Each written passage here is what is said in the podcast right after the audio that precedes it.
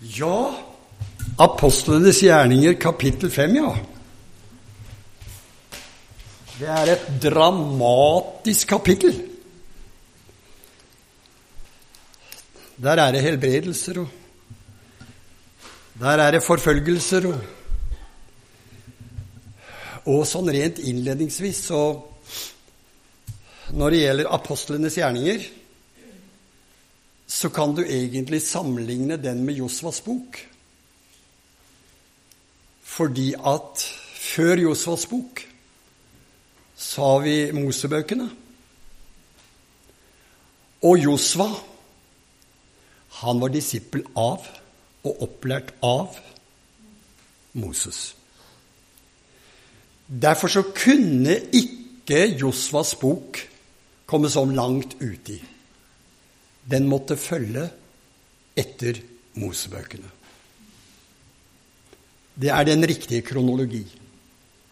Opp gjennom åra så har jo liksom eh, saker og ting i, i, eh, i Bibelen forandra litt på saker og ting. Men Mosebøkene og Josvas bok, de henger i sammen.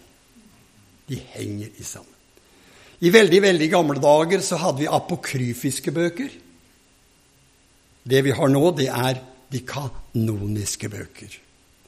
De er direkte innblåst av Gud, inspirert av Den hellige ånd. Det er mye fint i de apokryfene, men jeg har lest det mange ganger. Men eh, det fins ingenting som den boka her. Halleluja. Så eh, Josvas bok må nødvendigvis komme etter Mosebøkene. Og da er det så klart etter de fire evangelier så må jo nødvendigvis apostlenes gjerninger komme. Det er ganske logisk. Jeg ser det helt eh, Det hadde ikke passa om f.eks. brevet til filippenserne skulle kalle filipperne komme da. Nei, det er en orden.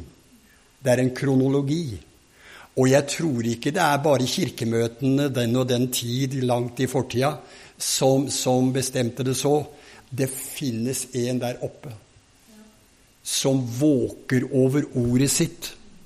Så bøkenes bok kan være sånn som han vil ha den. Så barnslig og enfoldig er jeg. Det tror jeg på. Apostlenes gjerninger er Den hellige ånds gjerninger, egentlig. Men apostlene, de var opplært av Jesus. Liksom Josva var opplært av Moses. Så var apostlene de var opplært av Jesus. Det som Jesus begynte med både å gjøre og lære, sier Lukas, legen Lukas, det fortsatte disiplene å gjøre. Det som Moses underviste Josva om, det landet som lå foran, når han måtte legge vandringsstaven ned, så fortsatte Josva sin gjerning. Og det var ingen tilfeldighet. Moses han endra navnet til Josva fra Hoseas til Josva. Og Josva betyr frelser. Amen. Og det var heller ingen tilfeldighet. Han skulle utskifte til arv landet som fløyt av melk og honning. Og når det gjelder da femte kapittel her, så, så er det et dramatisk kapittel. Og sånn som jeg, når jeg har lest gjennom dette kapitlet flere ganger, og ikke bare for den anledningen, men lest gjennom Bibelen mange ganger, så apostlenes gjerninger er Den hellige ånds gjerninger. Det er det. Og når det gjelder liksom gudstjenestelivet i den første menighet det var en direkte åpenbaring av Guds kraft. Og for oss som lever i år 2019, så kan ikke vi senke nivået til vårt erfaringsnivå og samtid. Vi skal lese vår bibel, og så skal vi tro det som det står. Og så vil Den hellige ånd løfte oss opp på det området som vi ser i apostlenes gjerninger. For det vi trenger i dag, altså Det er ille der du er, men her i Norge er det på en annen måte verre. Her er det så mye religiøsitet og så mye blandet opp at den sunne lære forsvinner i alle slags Hva skal jeg si Vi er åpne i alle retninger. Jeg kan bare nevne to stikkord. Kirkenes verdensråd og økumenikk. Noen ser det som framgang, men hva bevirker det? Det bevirker at Den hellige ånd gjøres sorg. For de holder seg ikke til Guds ord. Og de første kristne de holdt trolig fast ved apostlenes lære, ved samfunnet, ved bønnene og ved brødsbrytelsen. Og så står det i fjerde kapittel med stor kraft bar apostlene fram vitnesbyrdet om den Herre Jesu oppstandelse, og det var stor nåde over dem alle. Det var stor kraft når den bar fram vitnesbyrdet om oppstandelsen, triumfen, og hele veien, helt fra pinsefestens dag, da kraften kom fra himmelen og fylte hele rommet, og disiplene ble fylt av Den hellige ånd. Det sås, det hørtes, ilden falt. Og ånden drev dem ut på gata, og de forkynte i ånds og i krafts bevis. Så den kraften som ble åpenbart i det første menighetsliv, den trenger vi for bare det. Gjør vi ikke det? Vi trenger kraften. Det er kraften vi trenger. I egen kraft, står det ikke det, er mannen ikke sterk. Men Paulus han sier, 'Jeg formår alt i ham som gjør meg sterk'. Men kraften åpenbart i den første menighet, den var så sterk Og nå hopper jeg direkte inn i beretningen om Ananias og Safira. Den var så sterk til stede og kraftens og det profetiske lys var så avslørende til stede at folk som stakk noe til sides, ble avslørt øyeblikkelig. Det var farlig. Det står litt senere her, bare foregriper det. Av de andre var det ingen som våget å holde seg nær til dem. Men de hadde yndest hos hele folket. Hvorfor våget de ikke å holde seg nær? Og det står etter Ananias og Safira. Det var fordi lyset, det profetiske ånd, nådegavene, var i funksjon. Så det var ikke enkelt å, å ha svin på skogen. Det ble avslørt. Jeg tror Peter hadde evnen til å prøve ånder. Ananias og Safira de stakk noe til sides og tenkte dette går nok bra. Men du skjønner, Guds kraft var til stede i den første menighet. Og du kan lure mennesker, men du lurer ikke Gud. Du kan lure menigheten, men du lurer ikke den profetiske ånd. Og hva vi trenger i dag med tanke på det som skjedde her De falt jo døde om. Vi trenger å få tilbake Guds nådegaver. Nådegavene. Det trenger vi å få tilbake.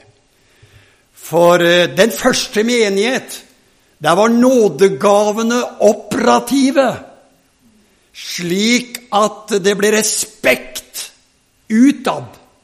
De hadde yndest hos hele folket.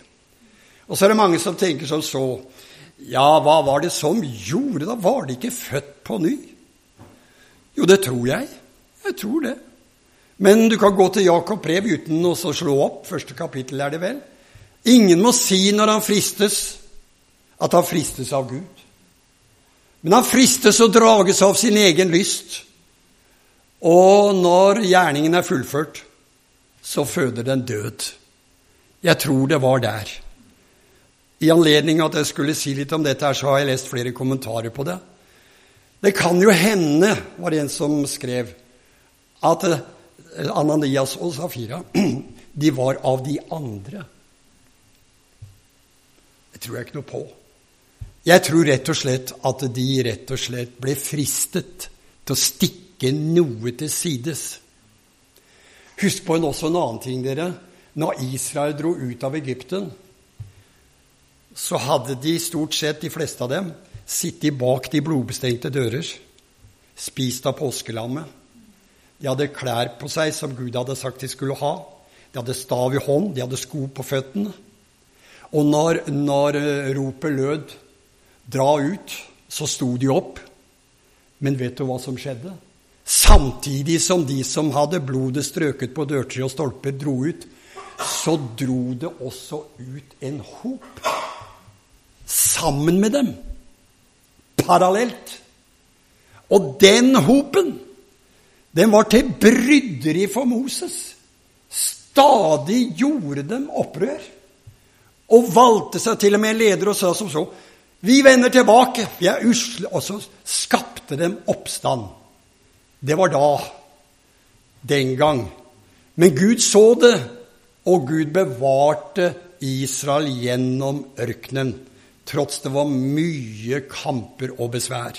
Her i Apostlenes gjerninger 5 jeg tror det var fristelsen å stikke noe til sides som felte dem. Og så var det Guds kraft som var til stede. Og jeg er så overbevist om at dersom Den hellige ånds kraft kommer mer iblant oss, og nådegavene begynner å virke iblant oss, så skal vi få se store og ufattelige ting. For Gud er mektig gjennom nådegavene. For det står så underbart at nådegavene skal være til stede for at eh, Guds legeme skal bygges opp. Vi trenger nådegavene. Og så står det videre her, etter at dette eh, dramatiske hadde skjedd, at det skjedde mange tegn og under blant folket ved apostlenes hender. For med ett sinn pleide de alltid å samles i Salomos buegang. Under og tegn. Hva forteller det meg? Ganske enkelt. Guds kraft var til stede. Menneskets kraft dugde ikke. Jesus han sa, 'Bli i byen, så skal dere bli ikledd kraften'. Og kraften kom, og de gjorde ikke noe i egen kraft. Det var Guds kraft som opererte gjennom apostlene med tegn og med under. Og så var det en vidunderlig ting i den første menighet, selv om de senere kunne få problemer. Og det var Her står det 'med ett sinn'. Kikka litt på det ordet der. Du, i grunnteksten så står det egentlig 'i én akkord'. I én akkord pleide de å samles i Salomos eh, søylegang eller bugang. Og denne akkorden, den var stemt av Gud.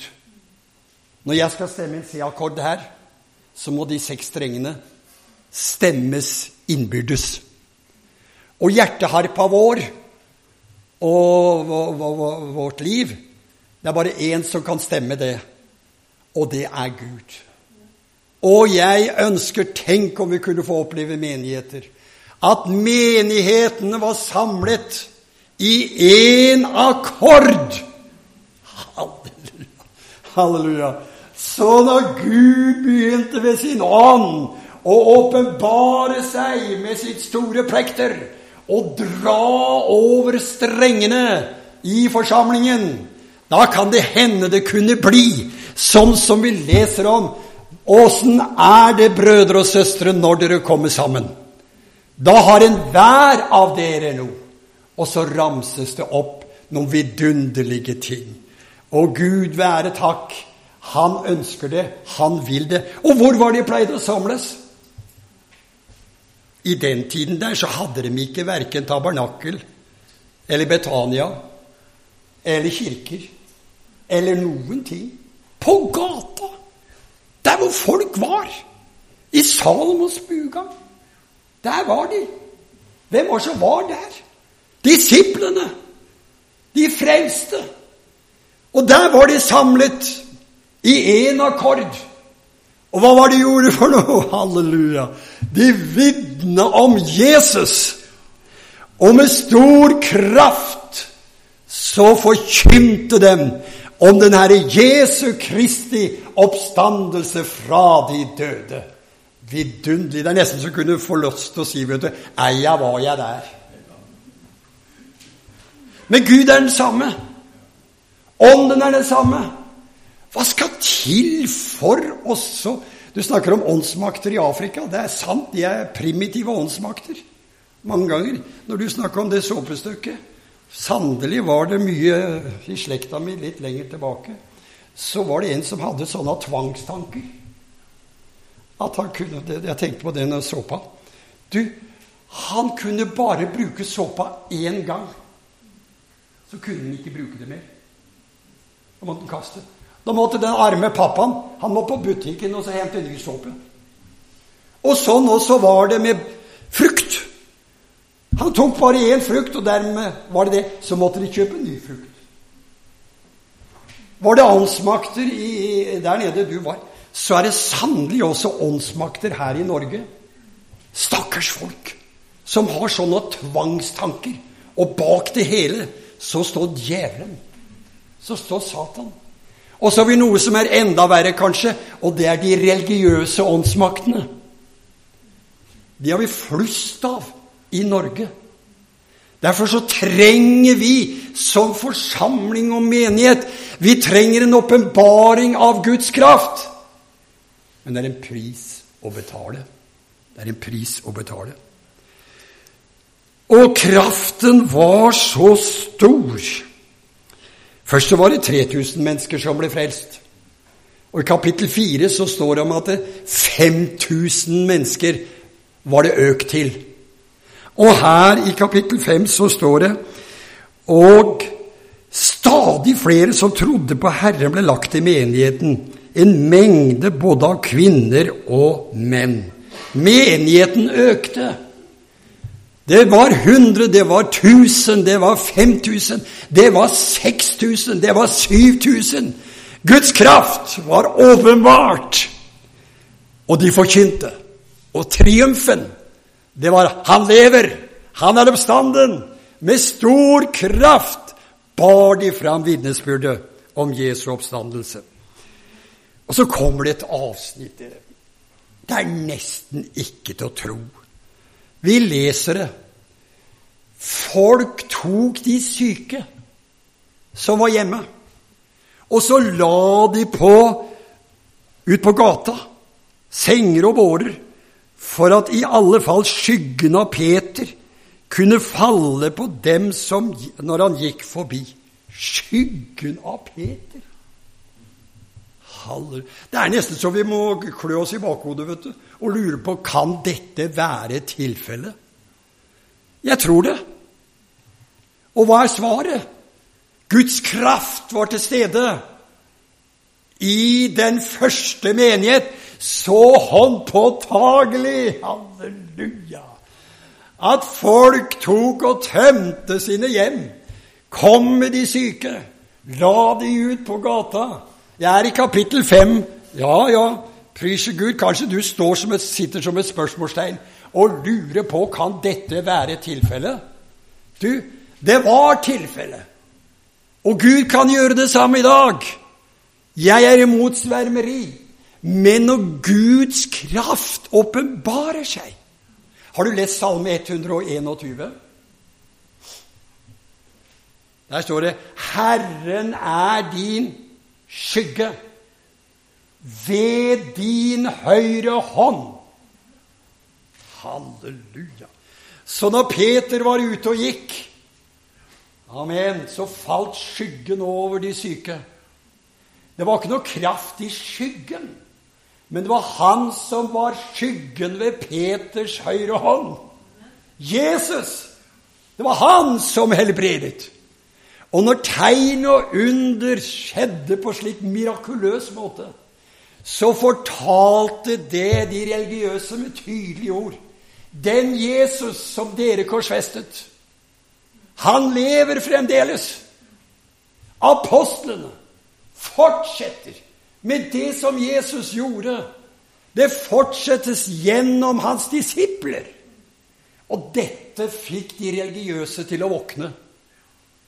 For de så de samme ting som skjedde ved Jesus, som gjorde at både fariseere og skriftlærde ble rasende. Det samme skjedde fremdeles. Og det fortalte han lever i sine barn. Ja, fra de omliggende byer rundt Jerusalem kom det mengder av folk som førte med seg syke og syke som var plaget av onde ånder, og alle ble helbredet. Halleluja. Jeg blir så oppmuntret av å lese Guds ord. Jeremias han sier 'Jeg fant ditt ord, og jeg åt det'. Og ditt ord ble meg til fryd og til glede, for jeg er kalt ved ditt navn, Herre. Men i takt med Guds krafts åpenbarelse til tegn, under og mirakler, så våkna Satan. Da våkna djevelen. Da kom forfølgelsen. Har de forfulgt meg, sa Jesus, så skal de også forfølge dere. Og nå kom det. Og i det neste avsnitt så står ypperstepresten fram og de som holdt med han. Sadukerpartiet. De ble full av nitgjerrighet. Hvorfor? De var sjalu. De var sjalu. Istedenfor å glede seg, istedenfor å prise Gud, så ble de nitgjerre. De ble sjalu. Dette var ikke bra. Men Gud være takk, når forfølgelsen kom, så står det da i første omgang her De la hånd på apostlene. De satte dem i det offentlige fengsel. Men hva hjelper det av dere? Når Guds kraft er til stede. Halleluja. Halleluja. Vi sang en annen sang fra 1900 og den tid. Eh, der sang vi om Guds ånd kan ingen binde. Den seirer enn i dag. Og akkurat den gangen Guds ånd kan ingen binde. Den seira. Dere skal få kraft. Jeg poengterer dette veldig sterkt fordi at det er det som var essensen og kjernen i apostlenes liv. Hemmeligheten. Jeg sender over dere det som min far har sagt. Dere skal få kraft. Og vi som menighet i 2019, vi må begynne å lengte etter kraften. Lengte etter fylden av Den hellige ånd. Lengte etter at Den hellige ånd fyller vårt indre med salvelse. Salvelsen vår over Jesus. Salvelsen vår over apostlene. Og hva skjedde på natta? Da kom en engel ifra himmelen og åpna fengselets dører. Hadde han noe å si? Ja da. Han førte dem ut og sa, Gå av sted og stå fram og uh, gå til tempelet. Forkynn alt dette livets ord for folket. Gå av sted. Stå fram i tempelet. Forkynn alt dette livets ord for folket. Jeg delte opp i fem-seks epoker, dette her. Stå fram! Halleluja. Gå fram og i tempelet. Halleluja. Dere skal være frimodige. Og dere, de gjorde som det ble sagt. De gikk hjem, og så la de seg bare lite grann. Og på morgenkvisten når sola sto opp, så var de i tempelet og forkynte om den Herre Jesus. Ja, mm, var ikke redde for konsekvensene. De tenkte ikke konsekvenser. Det var bare én ting som var om å gjøre. Og det var å gjøre som Gud ville de skulle gjøre. Halleluja. Og dere, kjære Gud Når du har en indre drivkraft som driver deg fram, da er det ikke så vanskelig mange ting. Når du har en indre drivkraft. Men får du det som et prinsipp, eller som en 'nå bør vi', eller 'nå må vi', da blir det fiasko. For vi fikk ikke trelldommen sånn. Vi fikk barnekåret sånn. Og det vi må søke mest av alt, å få den ånd inn i våre hjerter som gjør at vi tjener Herren. Ikke på grunn av, men på tross av at vi er et menneske. For Guds kraft er i vårt hjerte. Det er mange i dag som har ball så masse punkter. Punkt 1, punkt 2, tredje prinsipp og fjerde prinsipp. Og hvis vi gjør det, så skal vi få det. Og når vi har gjort det, så skal vi få det. Å få det gamle mennesket, eller mennesket i sin helhet, til å gå Guds vei av egen kraft, jeg garanterer det blir fiasko. Det blir fiasko. Men når vi søker Herren av et helt hjerte og bli fylt med Guds kraft Halleluja! Da må vi ikke på møte. Da blir det lyst til å gå på møte. Da må vi ikke vitne. Da blir det Vi kan ikke la være! Halleluja! Halleluja! Og det vil både ses og kjennes og merkes. Ikke sant? Jo da. Og så våkna de religiøse. Ja, nå får vi hente guttene som er i fengsel. Og så sendte de tjenerne av sted. Og når tjenerne kom for å hente apostlene, du, så så de vaktmannen stå der. Og så så de at dørene var lukket. Men når de kom bak de stengte dørene der, så var det ikke noen apostler der. Cella var tom. Halleluja. Gud hadde gjort et mirakel. Gud er miraklenes Gud. Gud førte dem ut. Og når de kom til eh, disse eh, sjefene sine, da, fariserene og alle disse her, så sier de har dere ikke apostlene med dere? Nei, vi har ikke det. Ja, hva har skjedd da? Ja, vi kom i hvert fall dit, og vaktmannen sto der, og dørene var låst, men apostlene var ikke der. Og da står det så betegnende her, vet du. Så står det De var sterkt i villrede hva de skulle mene, og undret seg på hva dette skulle bety. Du skjønner, dere, dere ransaker Skriftene for å tro at dem har dere evige liv. Og så sa han til noen andre at dere kjenner heller ikke Guds kraft. For Guds kraft den var i virksomhet og førte dem ut. Og de var i villrede. Hva skal dette bety? Jeg vet hva det betyr, ja. Det betyr det nemlig at den kraften som var i Jesus, den kraften var i apostlene. Kjære Gud. Halleluja. Det er det det betyr. Det som Jesus begynte å gjøre og lære på grunn av salvelsen. Den salvelsen var over hans disipler, så de også fulgte i mesterens fotefar Så det som skjedde ved mesteren, det skjedde ved apostlene. En disippel står ikke over sin mester, men han skal bli som sin mester. Halleluja. Og det var det disiplene ble. De ble som sin mester. Og de var i villrede om hva dette skulle bety. Og da gikk de og henta dem. Men du, legg merke til det som står her nå i vers 26.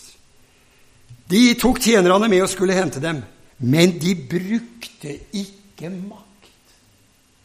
Fordi de var redde for folket. De var redde for folket.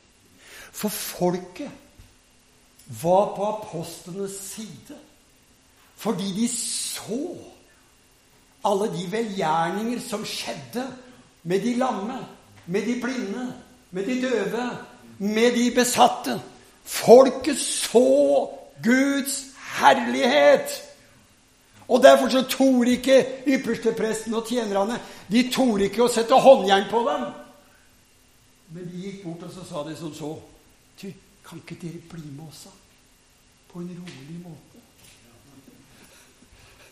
Så tok de med, dem med silkehansker.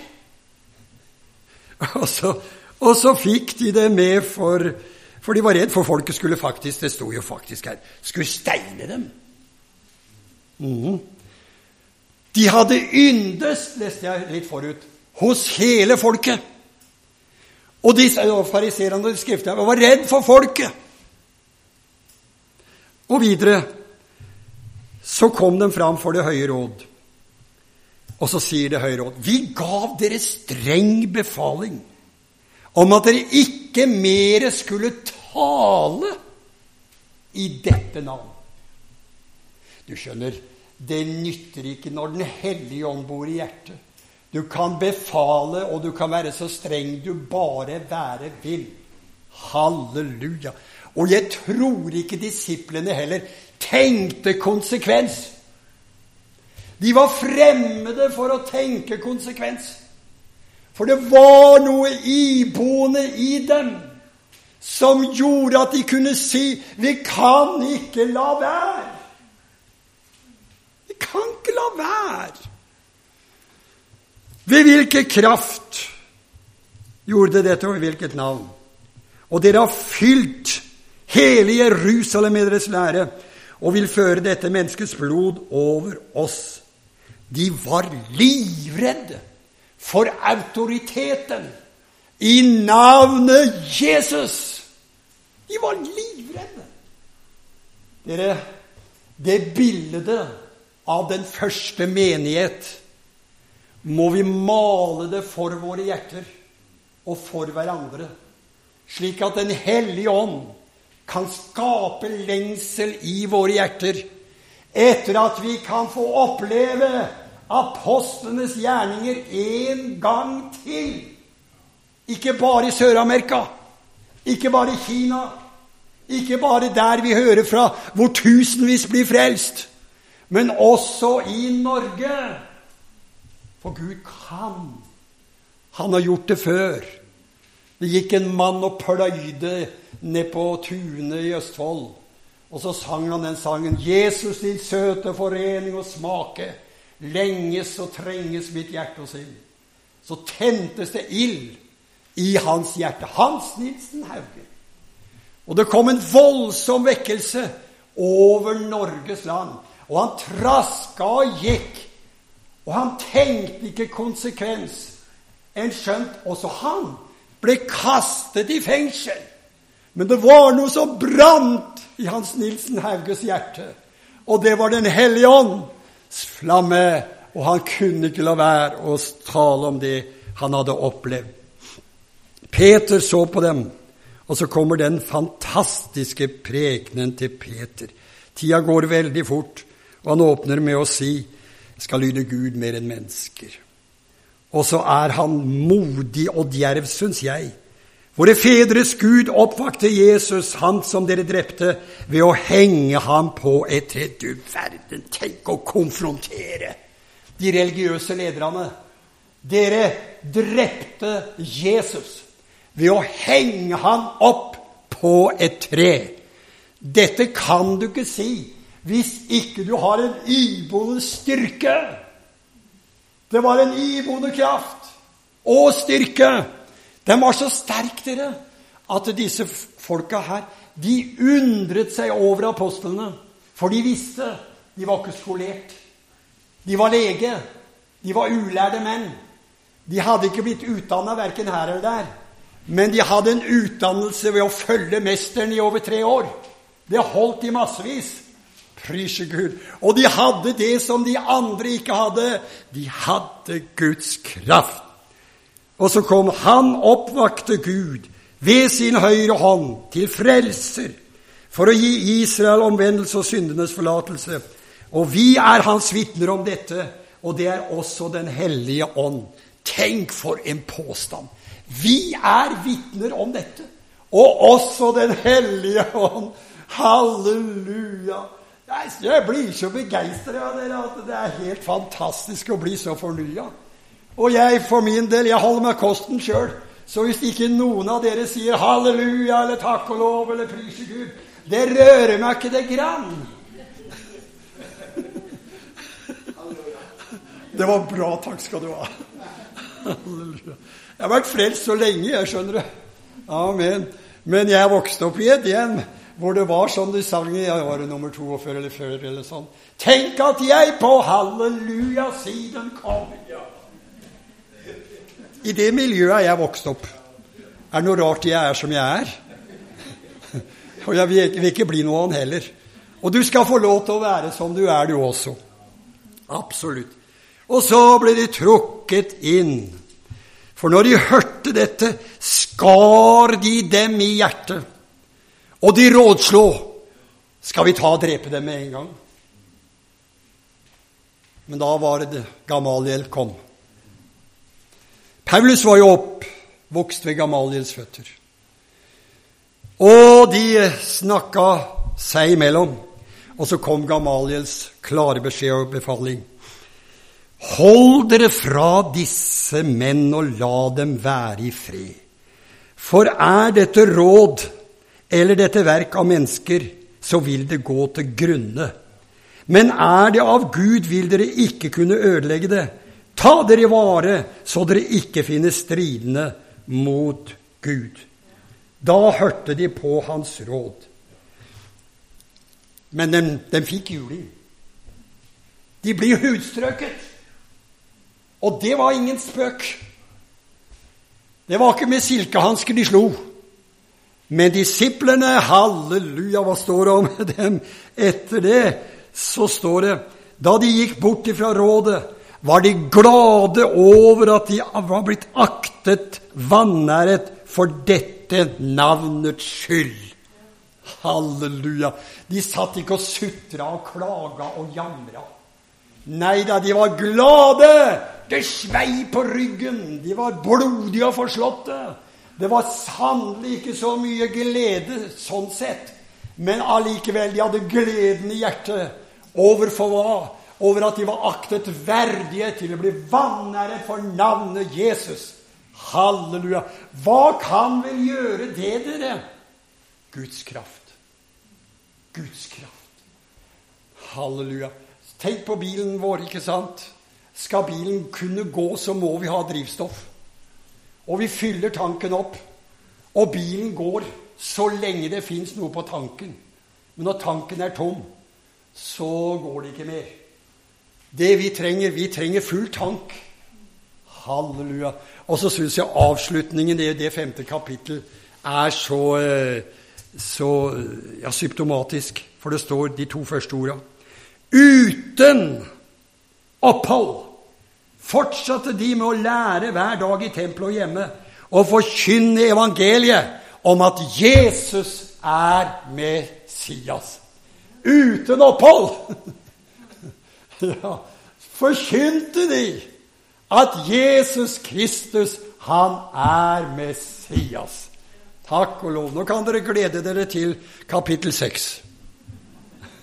Takk og lov. Halleluja.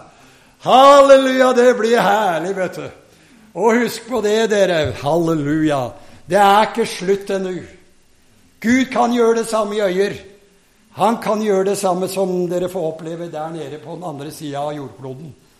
Der tar de imot Guds ord på en annen måte. Selv om de har sosiale problemer til langt over halsen. Her har vi ikke sosiale nesten problemer i det hele tatt. Det var som en libaneser sa til meg en gang når jeg var i Libanon. Dere er heldige oppe i Norge, sa han. Dere blir tatt hånd om når dere er barn. Dere blir tatt hånd om når dere blir eldre. Vi har ikke noe sosialt nett å dette opp i. Ikke i det hele tatt. Men dere har det sånn.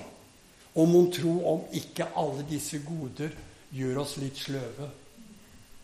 Isteden skulle vi takke Gud for godene våre. Prise Hans navn for at vi har det så godt som vi har det. Og det er først av alt som vi trenger, og da vil jeg si det apostoliske Bli fylt av Den hellige ånd. Amen. Kjære Jesus, nå takker jeg deg fordi at du som virket gjennom apostlene, du virker også i dag gjennom dine barn. Reis opp menighet etter menighet, Herre. Fyll dem med din kraft. Fyll den med din salvelse. Jesus, hjelp oss til å stå mismotsånden imot og bli fylt med kraftens og kjærlighetens og sindighetens hånd. Herre, vi ber deg ikke om dråper. Vi ber deg om strømmer av både nåde, strømmer av kraft. Halleluja.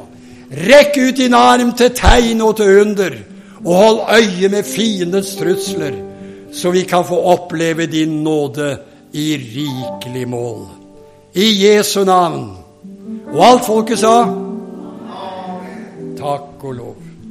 Amen.